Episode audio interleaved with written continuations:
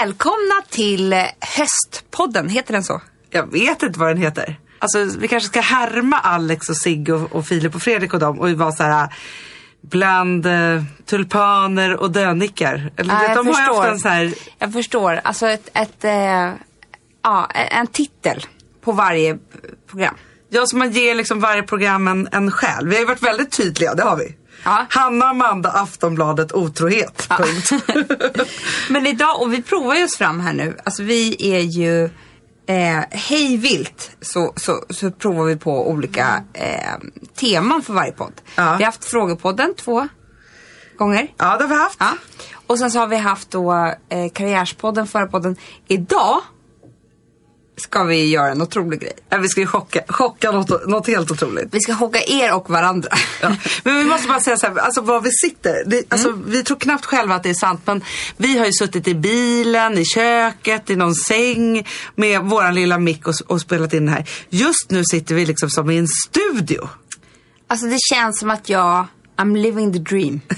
Vi sitter alltså i eh, Anders, eh, vår underbara ljudteknikers studio. Där de har liksom slagit upp för våra egon eh, oss på en bild och sådär. Ja men det är lite för otroligt. Det är nästan som man tror att, att Vi är med i blåsningen. ja, faktiskt att det är så här. Trodde ni det här? ja, så att det här, vet du vad jag tycker att vi kallar den för nu? Nej. Proffspodden. Proffspodden. Here we go. Ja.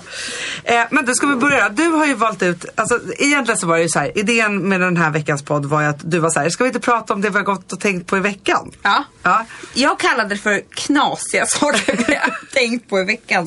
Du sa att vi kanske ska skippa det där med knasiga.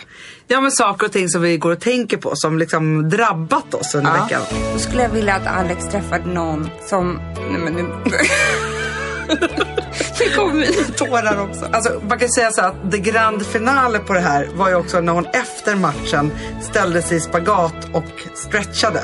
Gör inte det här så att du ligger där på förlossningen med fel hårfärg. Ofta så får jag kommentarer, kommentarer från min blogg. Eh, där de undrar om jag inte är avundsjuk på dig. Det är du. Det är jag inte. Det är det du är hela tiden. Nej men ofta så men här, vadå, så vad brodera- menar du? Nej, men Avundsjuk så broderar jag sätt? ut det. Men jag fick ett till exempel, då var det så här. Åh, är du inte avundsjuk på Amanda som haft det så lätt i livet? Visst hon har sin ångest och det där men annars har, har ju alltid det gått så så, enkelt. Nej men jag vet. Nej. Mm. Men så var i alla fall mejlet, och det- och det- eller kommentaren var så. Och det var liksom så här, jag tror att, alltså så här, och då kände jag så här, ett att de har en syn på att, att du har liksom Eh, att, att, att du har lätt, eh, levt ett väldigt enkelt liv. Ja. Ja, och då tänker jag så här. Det måste ju vara för att jag är så himla frikostig med att berätta om, om eh, tråkiga saker i mitt liv. Men jag tror dels för att, eh, nej men dels så tror jag egentligen att du är, du är ju fem år äldre. Alltså fem år av erfarenheter som jag inte har. Och där hände det en skilsmässa. Till Ja. exempel. Alltså förstår du? Det är ju inte sådana saker som man kan, det är ju inte någon som har haft det enklare eller, ej, vem fan vet vad jag har varit med om om fem år. Nej, så kan absolut. jämfört med vad man kan... Alltså förstår du, alla Ja. tar ju saker på Ja, men olika det är det, att det är så jag tror olika- att folk missförstår, att de tänker så här, jaha, ja, Hanna hon, det är ju skilsmässan och det är varannan tror vecka med barnet och det är, eh, du vet, sådär. Ja, och jag tror också att det är den här bilden som väldigt många har. Eh, att det är, att, att ha skilt sig, att det är ett väldigt stort misslyckande. Det tror jag också. Ja. Och det, tror, det, det tycker jag mer är viktigt att prata om. För att för mig är skilsmässa, eh, alltså det är klart att det var tråkigt att det blev som det blev. Men däremot att man har lyckats att skilja sig. Ja, jag brukar, jag brukar mera- säga att det är det mest lyckade jag har gjort. Ja men verkligen. För Att- att alltså, det finns ju de flesta som misslyckas med eh, att eh, inte skilja, alltså att skilja sig och då, då lever de med en hemsk relation för resten av livet. Det är ju en mardröm. Där kan man snacka om att misslyckas. Ja. Nej men det är det. Och, och det är så här. Det som vi har kommit till, det är så här, ett att jag berättar mer eh, saker och sen så är de ju, för det är ju också den här bilden av att, så här, att du är så här snygg och perfekt. Och jag är lite, jag är ful och perfekt. Lägg nej, det av. inte- nej, det är inte så jag menar. Men förstår du, det är liksom så här, bilden av dig är att du är en väldigt perfekt person och att jag är så här, eh, Ja, men- Och jag, alltså så här, det, Fast jag det där brukar ju du och jag skoja om. För att det skojade vi om nu för typ eh, tio minuter sedan innan vi kom hit. Att vi har ju också olika preferenser. Alltså vi, vi eh, du har en helt annan toleransnivå än vad jag har. Mm. Alltså, eh, jag skulle, sk- jag skulle skilt mig, nu är inte gi- gift, men jag skulle, alltså, jag skulle kanske eh, stuckit kniven i eh, Alex om han hade haft klädhögen. Ja men jag vet. Men, Ja. och vi skojade också om det att du, alltså så här, hela mitt liv och då före jag gift mig eller inte så här, har ju gått väldigt mycket ut på så här, jag klarar mig själv, jag kan nå Ja. vart jag ska och det är så här, jag, jag är liksom, medan du har gjort hela din liksom personlighetsdrag i att det är, det är lite synd om dig hela tiden. Så att du så här, och det är så här mellanbarnsgrej, det här Ja, pratar vi ganska ja, ofta om. Att du så lägger lite på så här, den nivån så att du blir mer omhändertagen än vad jag blir. Och jag jobbar ju med det så att jag är lite för bra på att ta hand om mig själv. Exakt. Jag är mycket, du är mycket bättre på att ta hand om dig själv och jag är mycket bättre på att kräva saker.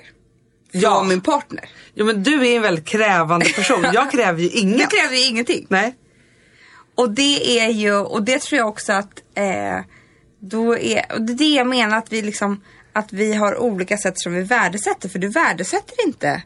Alltså, Nej. det, det är inte så att det är synd om dig. Alltså, Nej, det är inte det är så här, ett dugg Du behöver inte frukost på sängen.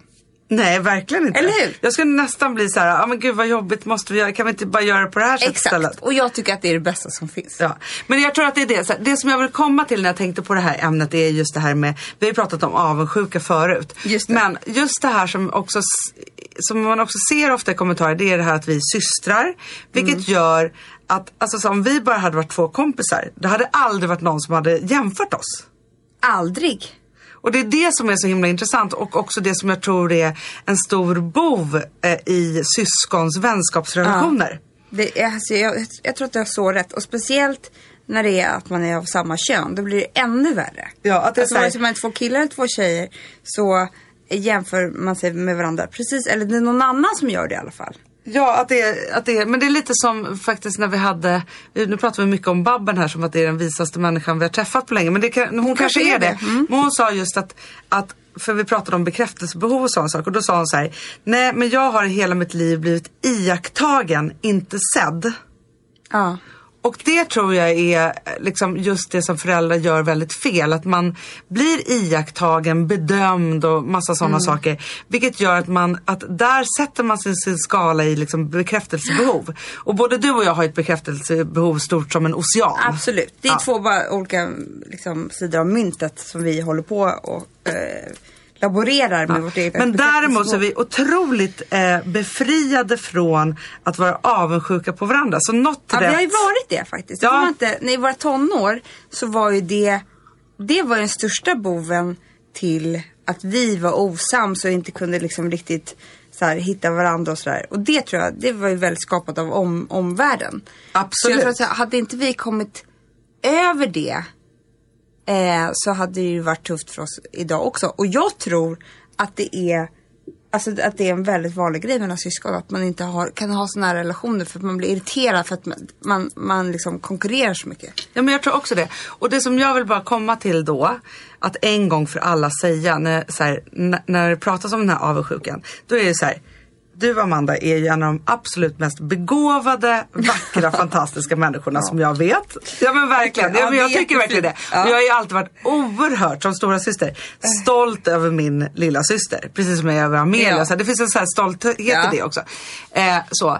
Men däremot så är det så att, som jag då vill säga till alla som känner sig lite avundsjuka. Alltså, jag älskar ju mitt liv.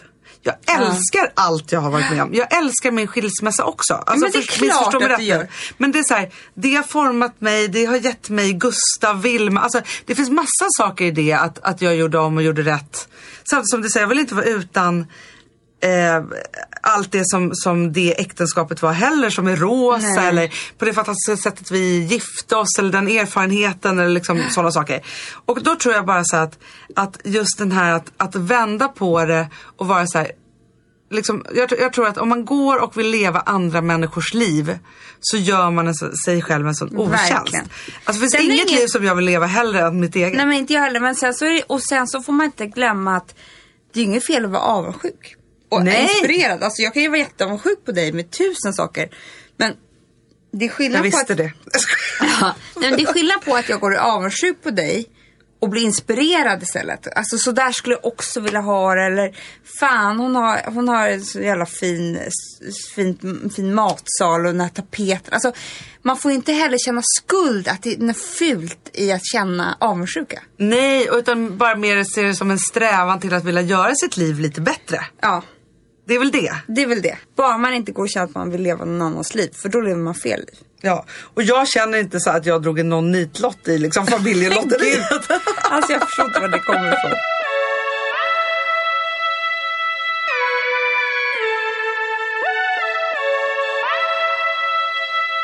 Sambla som vi sponsrade av är tillbaka. Ja, men det tycker jag är så kul. Vet du vad jag kände? Äntligen! För det här behöver man göra om och om igen och särskilt nu.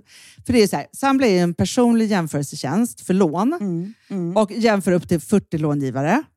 Och det är så här, man kan ju inte göra det själv. Alltså ta den tiden och energi eh, och också kunskap att jämföra 40 långivare, Hanna. Nej. Det, det, det, det, det kan man nästan inte. Nej. Och i dagens klimat, just när det kommer till pengar och lån och sådana saker, så är det ju livsviktigt att man liksom hela tiden tittar efter de bästa förutsättningarna. Och Det här hjälper ju Samla dig med. Och De erbjuder också personlig hjälp med låneansökan. Oavsett om du behöver hjälp så en kort stund eller om du vill ha guidning genom hela låneprocessen så kan du vända dig till Samla och det tycker jag är så bra. Ja, alltså Sambla som vi sponsrade av har ju branschens nöjdaste kunder med fem stjärnor och 24 000 omdömen på Trustpilot. Eh, det säger ganska mycket tycker jag. Väldigt mycket. Så in och ansök på samla.se. Du Amanda, vi är sponsrade av Polarbröd. Ja, och deras underbara snackmacka. Ja. Alltså det är så mysigt. Polarbröd stödjer ju Friends i deras arbete att motverka mobbing och psykisk ohälsa. Därför har de skapat det här konceptet snackmacka. man kan ju känna på barnen att det, så här, det kanske har hänt någonting i skolan och så vidare. Men hur man ska börja liksom få dem att öppna sig och berätta saker så att de inte går med saker som har hänt länge, så är det viktigt att göra det här. Och då är det så att den här snackmackan, den s- liksom är till för att öppna upp samtal med barnen, hur de har i skolan och på fritiden och så vidare. Så, man kan närma sig lite olika frågor. Ja, men jag tycker det är så bra eftersom att du vet ju hur läskigt det är. Bara, nu ska du och jag sitta och ha ett samtal. Det Nej, vill men ju det- ingen. Nej. Men däremot äta en god smörgås och liksom göra någonting samtidigt. Det är mycket, mycket bättre. Polarbröd har tagit fram tre roliga musikinbjudningar som man skickar då till sina barn, så att de kan, liksom, där man bjuder in då till en snackmacka. Så. Och ska man göra den personlig och välja musikstil som barnet gillar. Och Sen så är det också så att i låtarna så kan också liksom flertalet personnamn läggas in. Så att det Ja, blir liksom så ännu mysigt. mer. Ja, det är så mysigt. Ja. Så att hörni, det här tycker jag är verkligen en bra idé. Eh, så ta vara på det här nu och gå in på polarbrod blir det då, .se och läs mer om den viktiga snackmackan och så kan ni skicka en musikinbjudan. Så mysigt.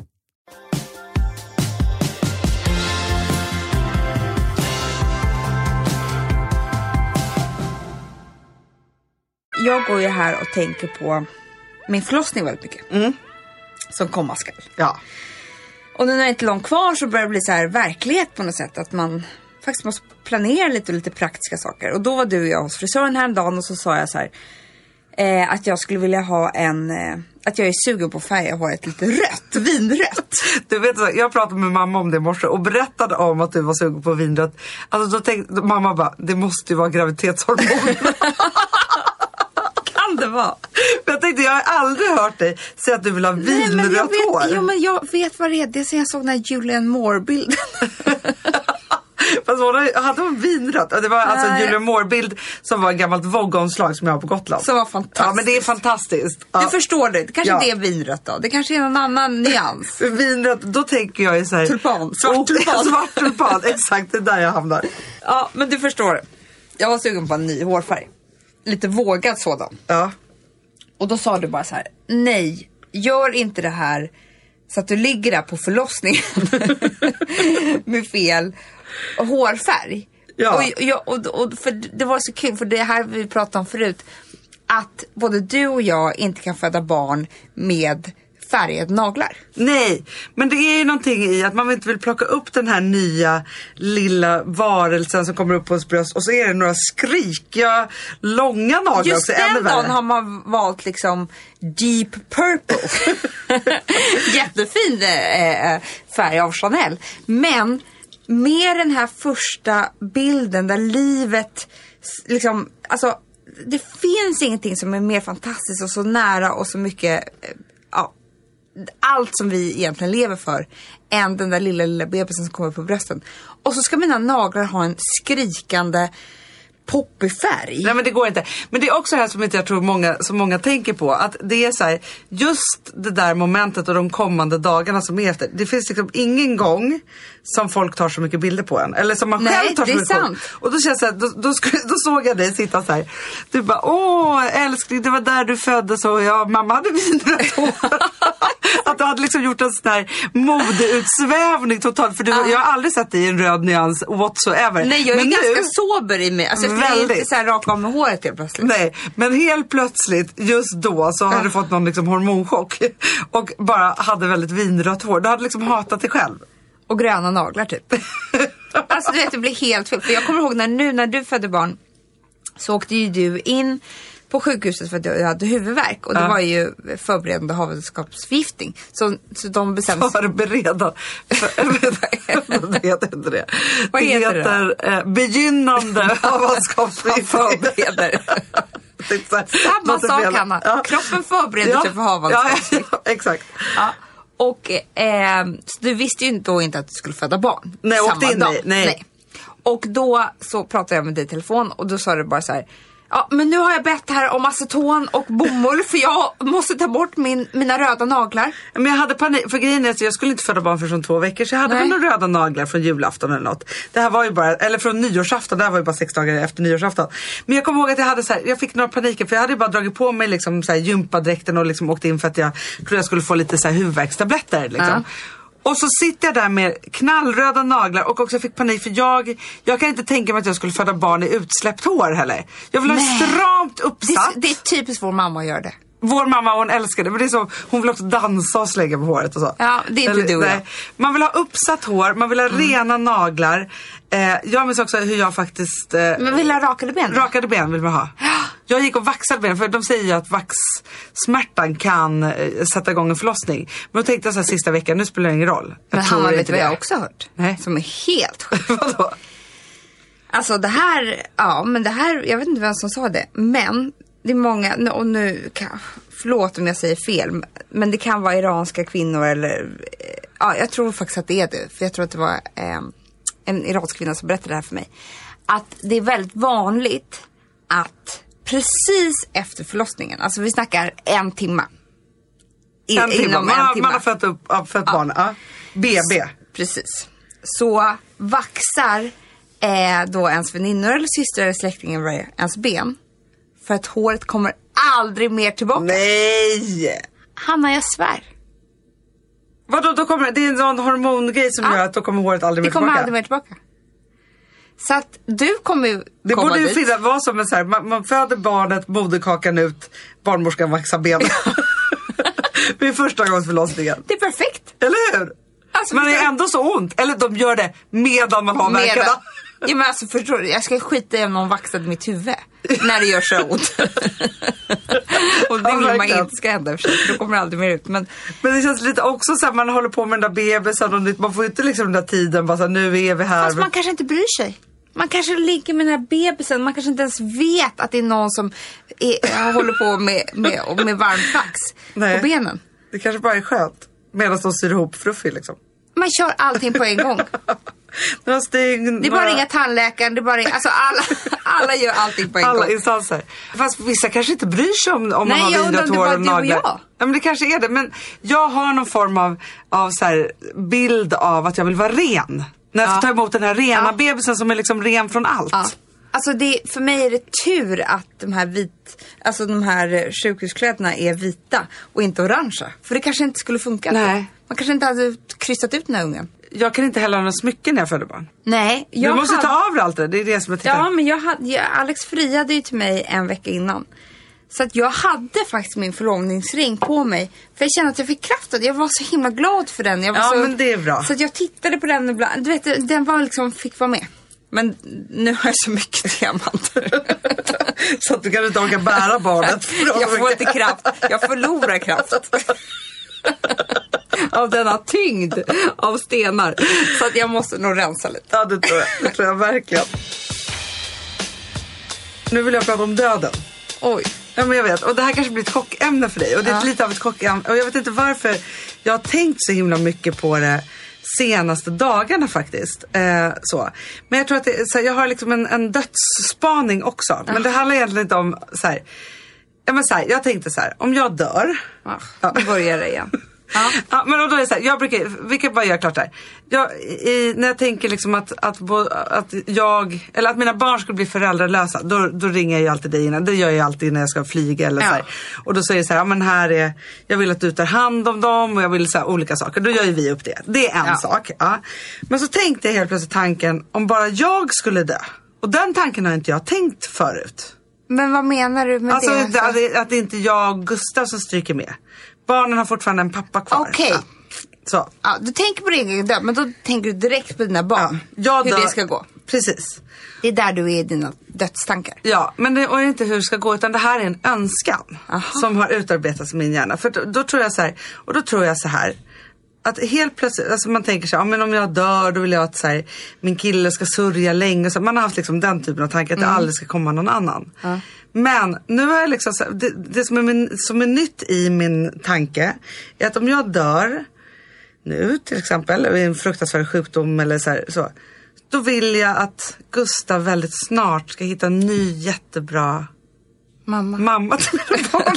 Du gråter. Nu gråter Hanna. Skillnaden är förut har vi suttit bredvid varandra så jag har ju fått, jag har ju slipp, sluppit det här lite grann. Ja. Nu sitter jag Men förstår du tanken? Jag förstår det. Alltså för jag, jag tänker så här.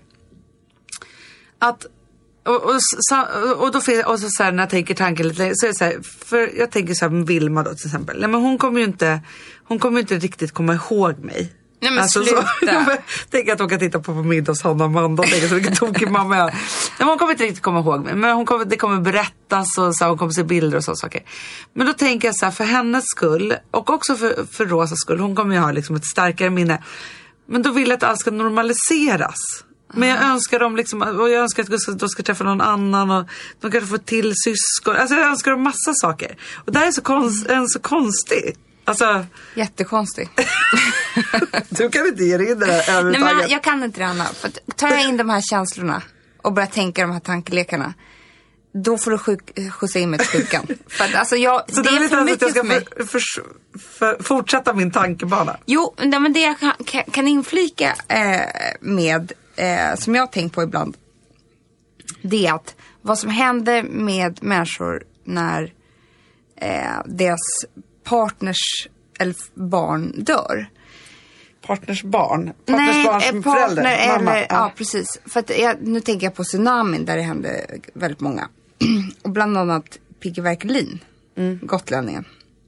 Som skaffade en ny familj på, det gick ju otroligt fort, kommer du ihåg det? ja. Det var ju fruktansvärt, han förlorade sina barn och sin, sin, eh, sin fru. Och eh, ett år senare så hade han en ny fru och eh, hon var på smällen och alltihopa. Vilket jag så här, från början dömde honom för. Men nu när du säger det så gjorde jag ju också det helt stenhårt. Det gjorde man Jag ju. hatade honom för det. Ja men man tänkte så här, vad är det för jävla idiot? Här läser jag i Aftonbladet när han står så här, här förlovade vi oss och nu är vi så lyckliga. Och jag bara kunde tänka på hans gamla familj. Men så här efterhand så kanske man inte ska döma någon för det för att det han råkade ut för och det som då skulle hända om man själv råkade ut för. Alltså det, att ta sig igenom det och leva vidare. Det, eh, på vilket sätt man gör det.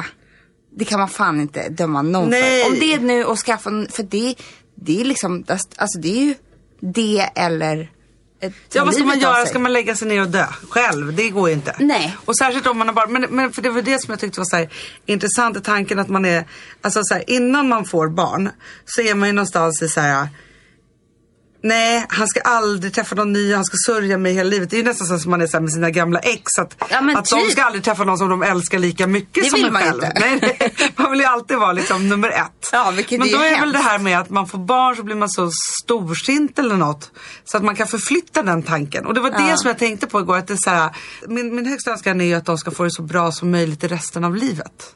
Ja, och då tänker man ju att då skulle jag vilja att Alex träffade någon som... Nej men nu... nu klarar inte jag heller längre. Nu kommer mina tårar också. Nej men som skulle kunna tycka så mycket, så pass mycket om mig. Alltså Ja. förstår du, ser det bra i mig så att de kan föra vidare min ande till Charlie. Och Frances. Förstår du? Exakt. Så att det inte blir något obehagligt. Nej, utan men- så här, det blir helt snällt och hon kan prata om eh, så här, din mamma var så här. Det måste vara en väldigt bra person. En storsint person. Alltså vi borde ha kameror. Men det grejen är så här, det som jag då tänkte till. Det var, det finns ju en fantastisk film, eller fantastisk vet jag inte om den är, men med Julia Roberts och Susan Sarandon. Men jag kommer ihåg Åh vad den nej, heter. är den där cancerfilmen. Ja, men vet du vad som är härligt i den Ja, filmen? den är jättefin. Det är så här, först är hon så här arg för att liksom, det är ju eh, hennes förra mans nya och de håller på så här. Men sen när det blir det här kritiska läget att hon faktiskt ska dö så lämnar hon över så fint till henne. Och det önskar jag, är det någonting, alltså man önskar ju såklart alltså så här, skulle det hända någonting sånt då är det nästan så att jag skulle vilja att Gustav träffar den här personen innan jag dog. Ja. Så jag på något sätt fick ändå lämna över. Skulle du det? Ja och då tänker jag också, för jag läste, nu nu är det så mycket cancerböcker, men det finns en bok som heter En annan sorts kärlek. Eh, av en Ray kille som- Klum. Exakt. Och i den boken så ställs man ju inför jättemånga frågor för det börjar ju med att de är ett väldigt så här, framgångsrikt reklampar i, i Amsterdam. Och så drabbas hon av inflammatorisk bröstcancer. Eh, och de har ett barn tillsammans. Och han har ju liksom, han berättar den här historien, för det här är ju självupplevt. Han, han, som att han liksom, de hade ganska liksom fri, ett fritt förhållande innan och han liksom, han tror typ på otrohet. Men under henne, hela hennes sjukdomsperiod så är han då otrogen. Men han träffar också en kvinna eh, under den här perioden. Och först så hatar man ju honom för det. Man tänker så här, vad fan din fru ligger där och hon liksom håller på att dö så här. Sen så slutar han träffa henne och så uppfyller han allting. För hon vill göra allting som är möjligt. Liksom. Så de gör massa härliga fantastiska saker. Och Vadå, så- hon som är sjuk eller kvinnan han träffar? hon som är sjuk. Hon som är Ja. sjuk. Och någonstans i slutet av den där boken så förlåter man honom för att han är faktiskt kvar. Det, liksom, han bär henne till, till toaletten och han hjälper henne med allt och så här, liksom. Och då någonstans, och den kvinnan då som han träffar där lever han faktiskt tillsammans med idag. Och då känner jag så här att Ja, ni ska läsa den själva för det är en, faktiskt en fantastisk bok. Jag tror faktiskt att de har gjort film av den också. Och man får sig väldigt många, man slängs liksom mellan att hata honom, förstå honom, förstå henne. Eh, men det är också ett ganska fint sätt att möta döden i den boken. Men, och den handlar just om det. Men jag tror också för att jag, jag läste en annan tsunamibok. På tal om tsunamin. När livet, när livet vänder tror jag den heter. Mm. Eh, Sävstam tror jag hon heter som har skrivit den. Eh, och den är ju, ja, jag läste ju den förra gången jag var gravid i Kaolack. Nej men, nej men, alltså jag hade, jag grät, alltså det var, jag var ju så jetlaggad också. Jag grät på sätt så jag fick kramp i magen. Så satt upp och föda. Ja men typ. För att jag, för att eh, jag var så, ja men den är så sorglig och jag var så hormonell. Men hur som helst så träffade hon också en kärlek mitt i den här storyn efter hennes man och efter hennes ena barn. Eh, och man förstår ju henne och man förstår också vad för sorts fin och vacker kärlek som växer fram i det där. För att, att orka vara med någon som sörjer måste ju vara fruktansvärt. Alltså, det är ju ganska jobbigt tror jag. Då kan man, in, man kan inte vara ett ego och ge sig in i en sån relation. Att finnas där för någon medan den sörjer eh, ja, hennes man. Eller, liksom, eller Nej. fru. Eh, men de klarar av det och där vinner kärleken på något sätt. Jag, det är väldigt fint. Ja men det är väldigt fint. Och jag, man tänker sig nästa sekund så är det så här, ja, det värsta av andra sidan som skulle kunna hända det är ju att det kommer en elak mamma. Ja men där har, du där har vi ju varandra. Ja, Kommer precis. en elak mamma till, Då får man ju bara gå kliva in. då kliver jag in. Ja, då kliver vi in. Ja.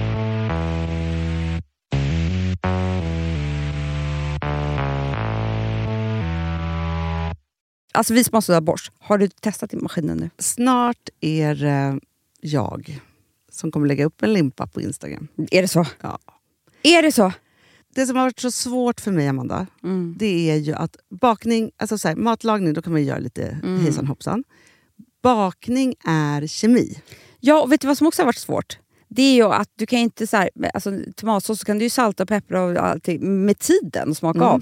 Det är svårare med en deg alltså. Vi är ju sponsrade av Bosch nya köksmaskin serie 6. Och den är extra smart. Och det är tur för mig kan jag säga.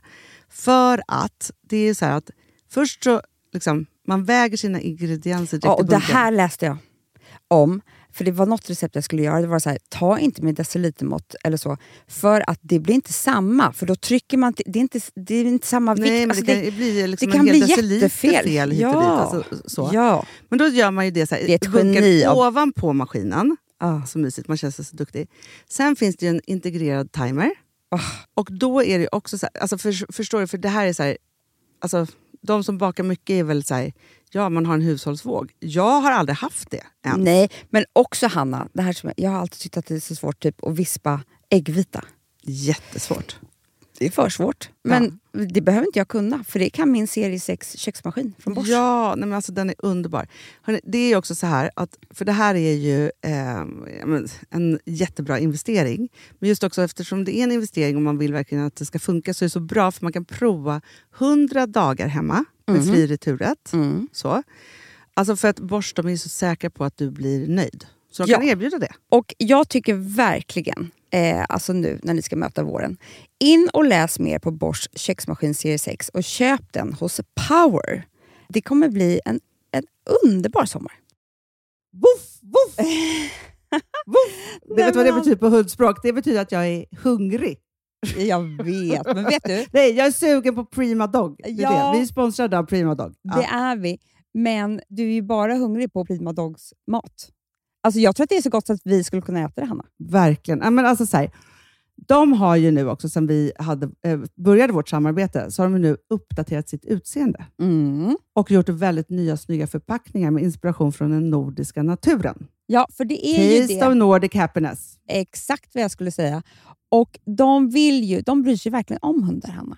Alltså de gör det. Det gör de. de vill att de ska få leva ett långt, aktivt och glädjefyllt liv.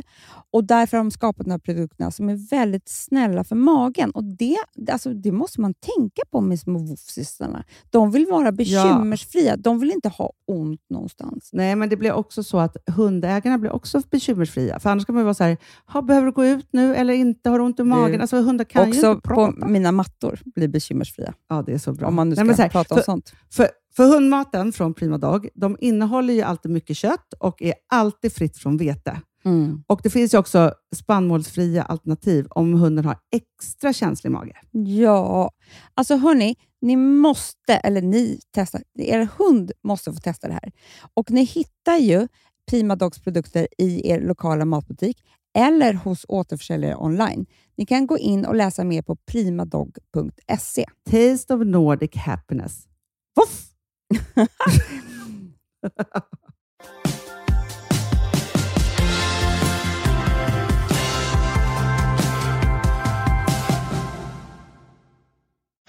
här var, det var en händelse i, i sommar.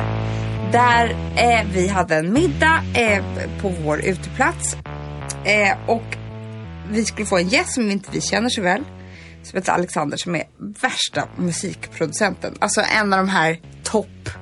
Liksom, Ja, av har skrivit till Britney Spears och alla de här ja, människorna. alla de Ja. här. Och skithet. Mm. Han kommer då på middag och eh, Alex har ju då ett elpiano för att han håller på och, eh, gud förlåt jag skrattar älskling. Men han har ju fått någon 40-årskris och ska lära sig spela piano.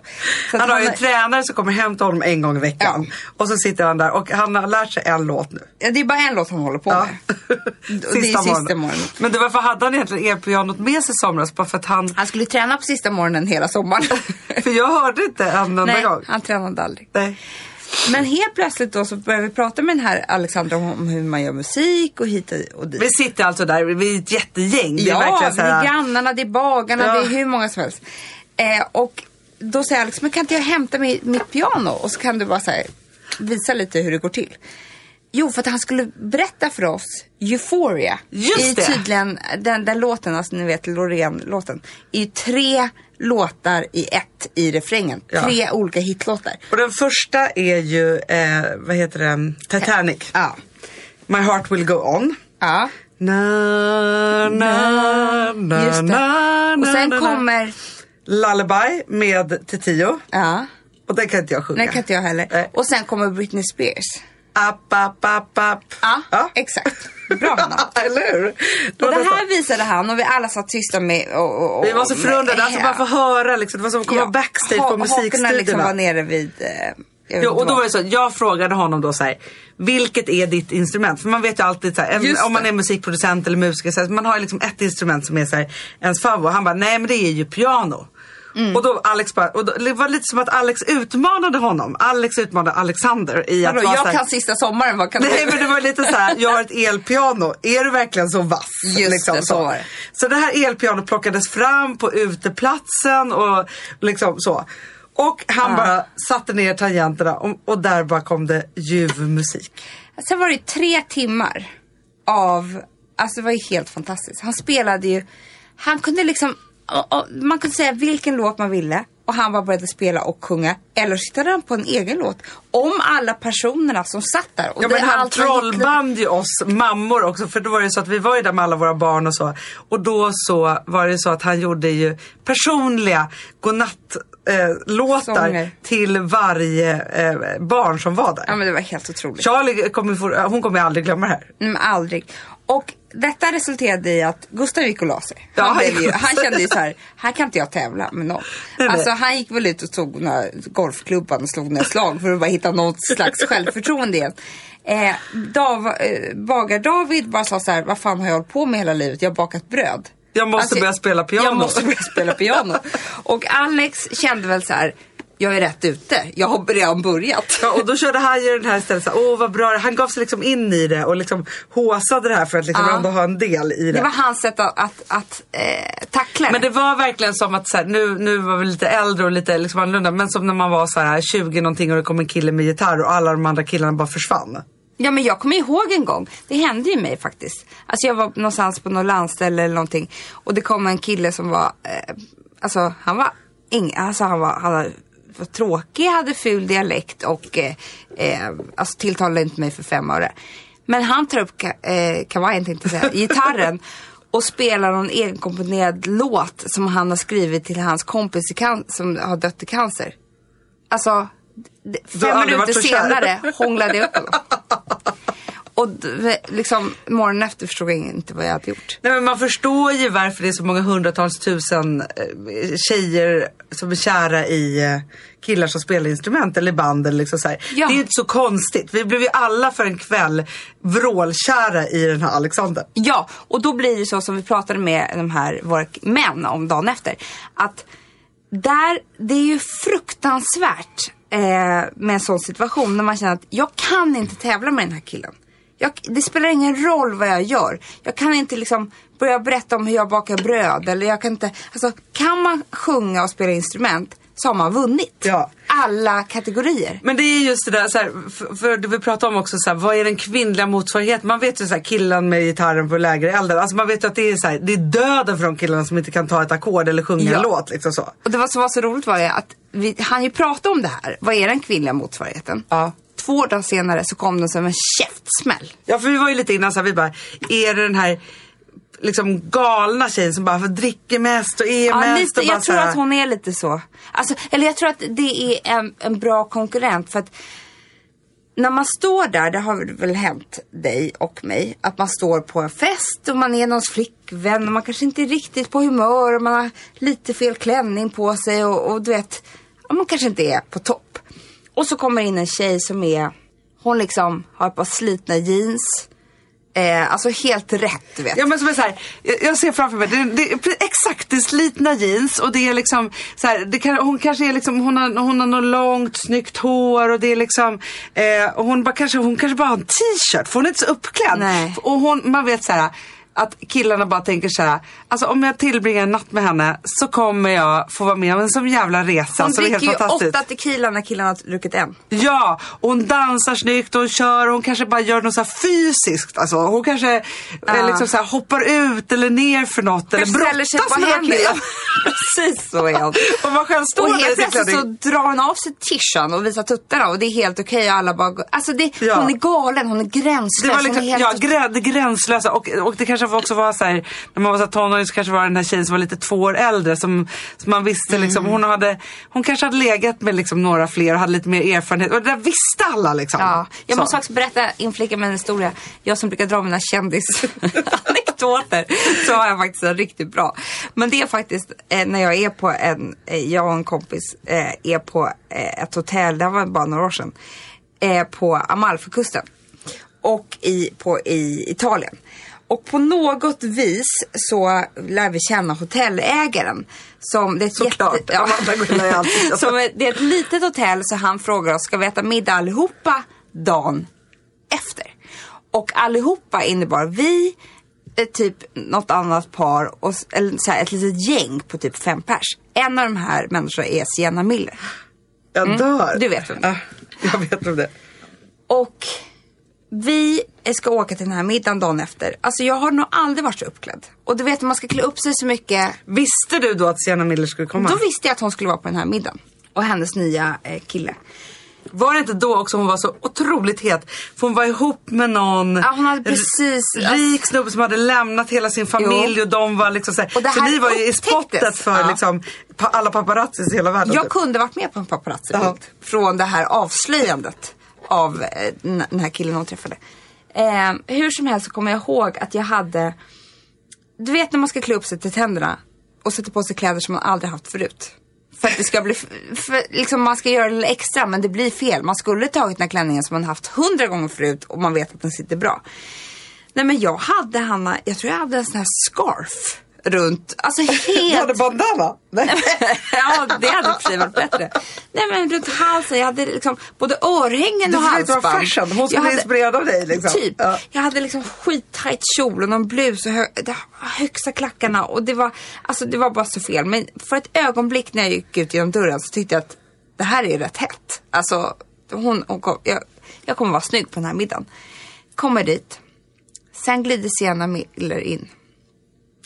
Tajta, slitna jeans. Ljusa. Såklart. Med den Ja. här lilla, lilla rumpan som hon har. Hon är så här mini-människa. Lånat killens skjorta. Som man har knutit så att, det, så att man ser lite av hennes bruna mage. Helt osminkad. Och bara liksom håret i en Så du var så overdressed? Men han har overdressed. Jag hade kunnat dela ut mina kläder och det hade räckt till tio kvinnor. och mina attiraljer. Och hon bara var så här skön tjej, barfota. Och var det snyggaste man någonsin har sett. Ah. Men hon Förstår är väl den tjejen personifierad. Och också, vet du vem jag också tänker på? Kate Moss. Ja men det är klart. Hon kommer in på en fest, bara äger den, är snyggast av alla, klär Utan bh och röka en joint eller något som man själv inte vågar. ja men det var i alla fall bara en liten instickare här. Men den tjej, typ av tjej pratade vi om. Men sen så dagen, två dagar efter så var vi på en fotbollsmatch. Ja. Det är alltid en fotbollsmatch som spelas två gånger per år i socken där vi bor på Gotland. Eh, där både killar och tjejer får spela, men det är så vanligt så är det bara killar. Vi, liksom, vi är inte så intresserade. Förutom en tjej. ja. Som Utsläppt hår. Hon står där. långt, hon har hår till midjan typ. Ja. Verkligen. Och Hon har på sig liksom, hon har lånat några stora fotbollsdojor. Alltså hon skrattar lite åt dem hela tiden också. ja, ja. Hon hade det tajtaste eh, Hon hade ju liksom inte fotbollskläder, det var inte så här shorts och en tröja. Nej, nej, nej. Hon hade liksom några tights eller lite så slitna joggingbrallor lite ner och något linne. Ja. Och liksom så. Till saken hör jag bara så här, hon var ju sjukt snygg. Vi var ju avundsjuka på henne. Men vi satt ju där som paddor på stolarna medan hon sprang omkring med killarna och gjorde så här vet du, det, sparka in bollen i krysset och sånt. alltså. Ja men typ. Och vi var så här. Nu tittar alla på henne. Vi kan inte, det spelar ingen roll vad jag gör här på hur högt jag skriker och hejar. Alltså, det, mittpunkten här är den här tjejen med utsläppt hår. Ja, hon som är med bland grabbarna, spelar fotboll bra fast fortfarande ursexig, slänger med sitt hår. Och alltså, man kan säga så att det grand finale på det här var ju också när hon efter matchen ställde sig i spagat och stretchade. Just Och då till och med Rosa, nio år gammal, blev så avundsjuk för hon tyckte hon var så duktig och vig. Men- Och då kände man ju bara så här. Då satt hon också med killarna i split. Ja, Alltså, och det de är lite, att stretcha split med killar är ju, alltså det är ju en sexhandling. Ja, men ändå med de där stora fotbollsdojorna liksom. Hon kom ju undan. Ja, ja, ja, ja. Visst. Ja, men det var ju roligt för det kom right back at us.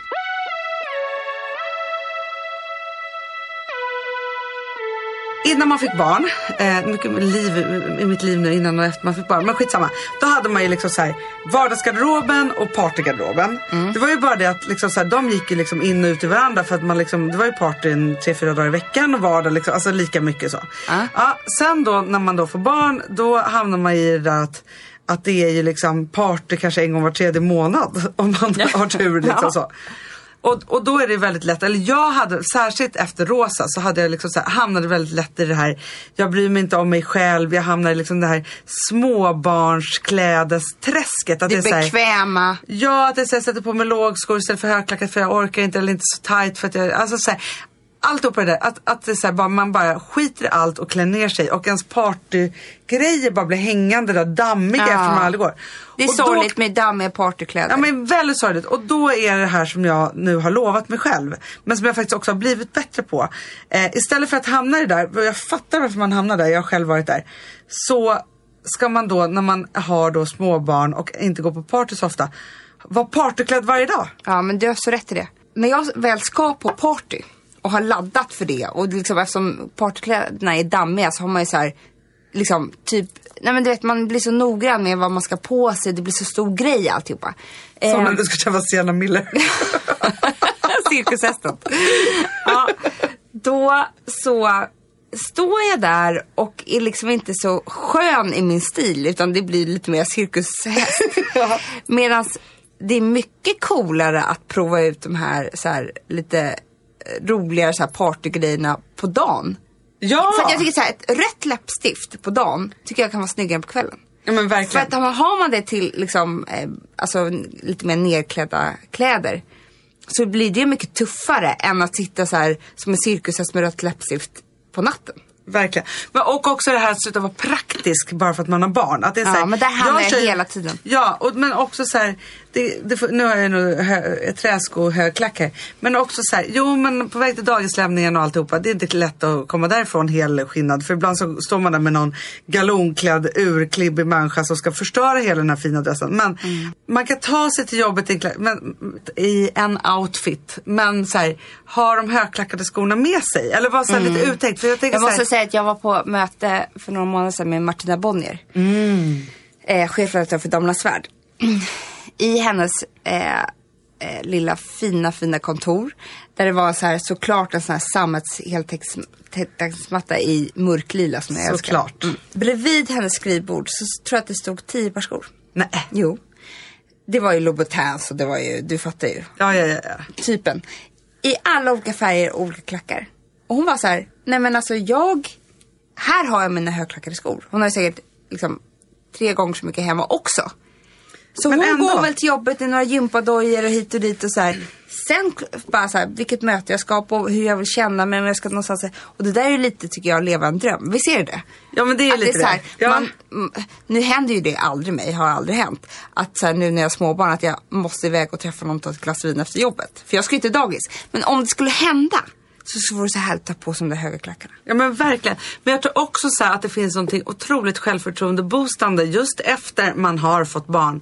Att man gör sig själv fin hela tiden. Ja, att, Att det så ännu jag fattar att man inte med det. orkar det. Så här. Man har den där liksom amningstofsen och man sitter där. Liksom så här. Det är helt okej också. Det är klart att man ska göra det. Nej, fast vet du vad man ska göra då? Då Nej. ska man gå in på glamman.se och köpa världens finaste amnings-bh. Då kommer man känna sig fin. Det ska man verkligen göra. Det är världens bästa tips. För det finns någonting i det där ytliga som ändå smittar av sig på det inre och gör att man känner sig som en härligare människa. Nu lovar jag mig själv, jag är ganska bra på det. Jag är liksom inte riktigt där utan bara halvvägs. Men att jag ska vara partyklädd varje dag. Mycket bra. Det vill jag se. Hanna the circus horse. Joel Kinnaman. Ja. Han har ju träffat en tjej. Jo. Som heter Olivia Mann. Hon är den som spelar eh, ekonomireporten i Newsroom. Jaha, den blonda tjejen? Nej, den mörka. Jaha, hon ja. Du vet vem Ja, det är? jag vet vem det är. Mm. Och då berättade hon att hon har en jättekonstig sjukdom. Nej. Jo. Som jag nu inte kommer ihåg namnet på för det var skitkonstigt. Men jag ska kolla upp det till nästa gång. Och vet du vad det innebär? Hon tvångsmässigt drar av sig ögonfransarna. Va? ja! Men vadå, hon sitter så här. Hon alltså, kan inte låta bli. Det men, väl, det, Fast de sitter ju skithårt. Hon säger att det gör ont, hon blir ful, hon har inga ögonfransar kvar, hon måste ha jättemycket lösögonfransar hela tiden. Hon kan inte hjälpa det. Det är som att bita på naglarna. Hon drar av dem. Men alltså, jag älskar Joel Kinnaman att han älskar henne även fast hon har den här sjukdomen. För det kan inte vara kul. Nej, och det jag tycker är så coolt att gå ut och berätta det. Ja men verkligen. Alltså om det är någon som har den här sjukdomen, kan inte ni höra kan av inte er ni till oss? höra av er på bloggen? Det vore så kul tycker jag. För det är otroligt. Ja. Jag vet ju de som så här, på ett maniskt sätt tar, liksom, tar bort hela naglarna typ. Ja, och men det måste vara lite och samma. så. Det är jättekonstigt det här. Jag önskar att jag fick det på mitt skägg och så att hela så kanske jag skulle slippa vaxa alltihopa. Verkligen. Du, tack för idag Amanda. Mycket, alltså, det känns, varför vi säger så, det är så här, vi tar upp eh, glasen också om vi ska skåla här. Men det, Vattenglasen. för att Vi vi sitter det. i den här tjusiga studion. Underbart. vi ses nästa vecka. Det gör vi. Puss och kram. Skål! Skål.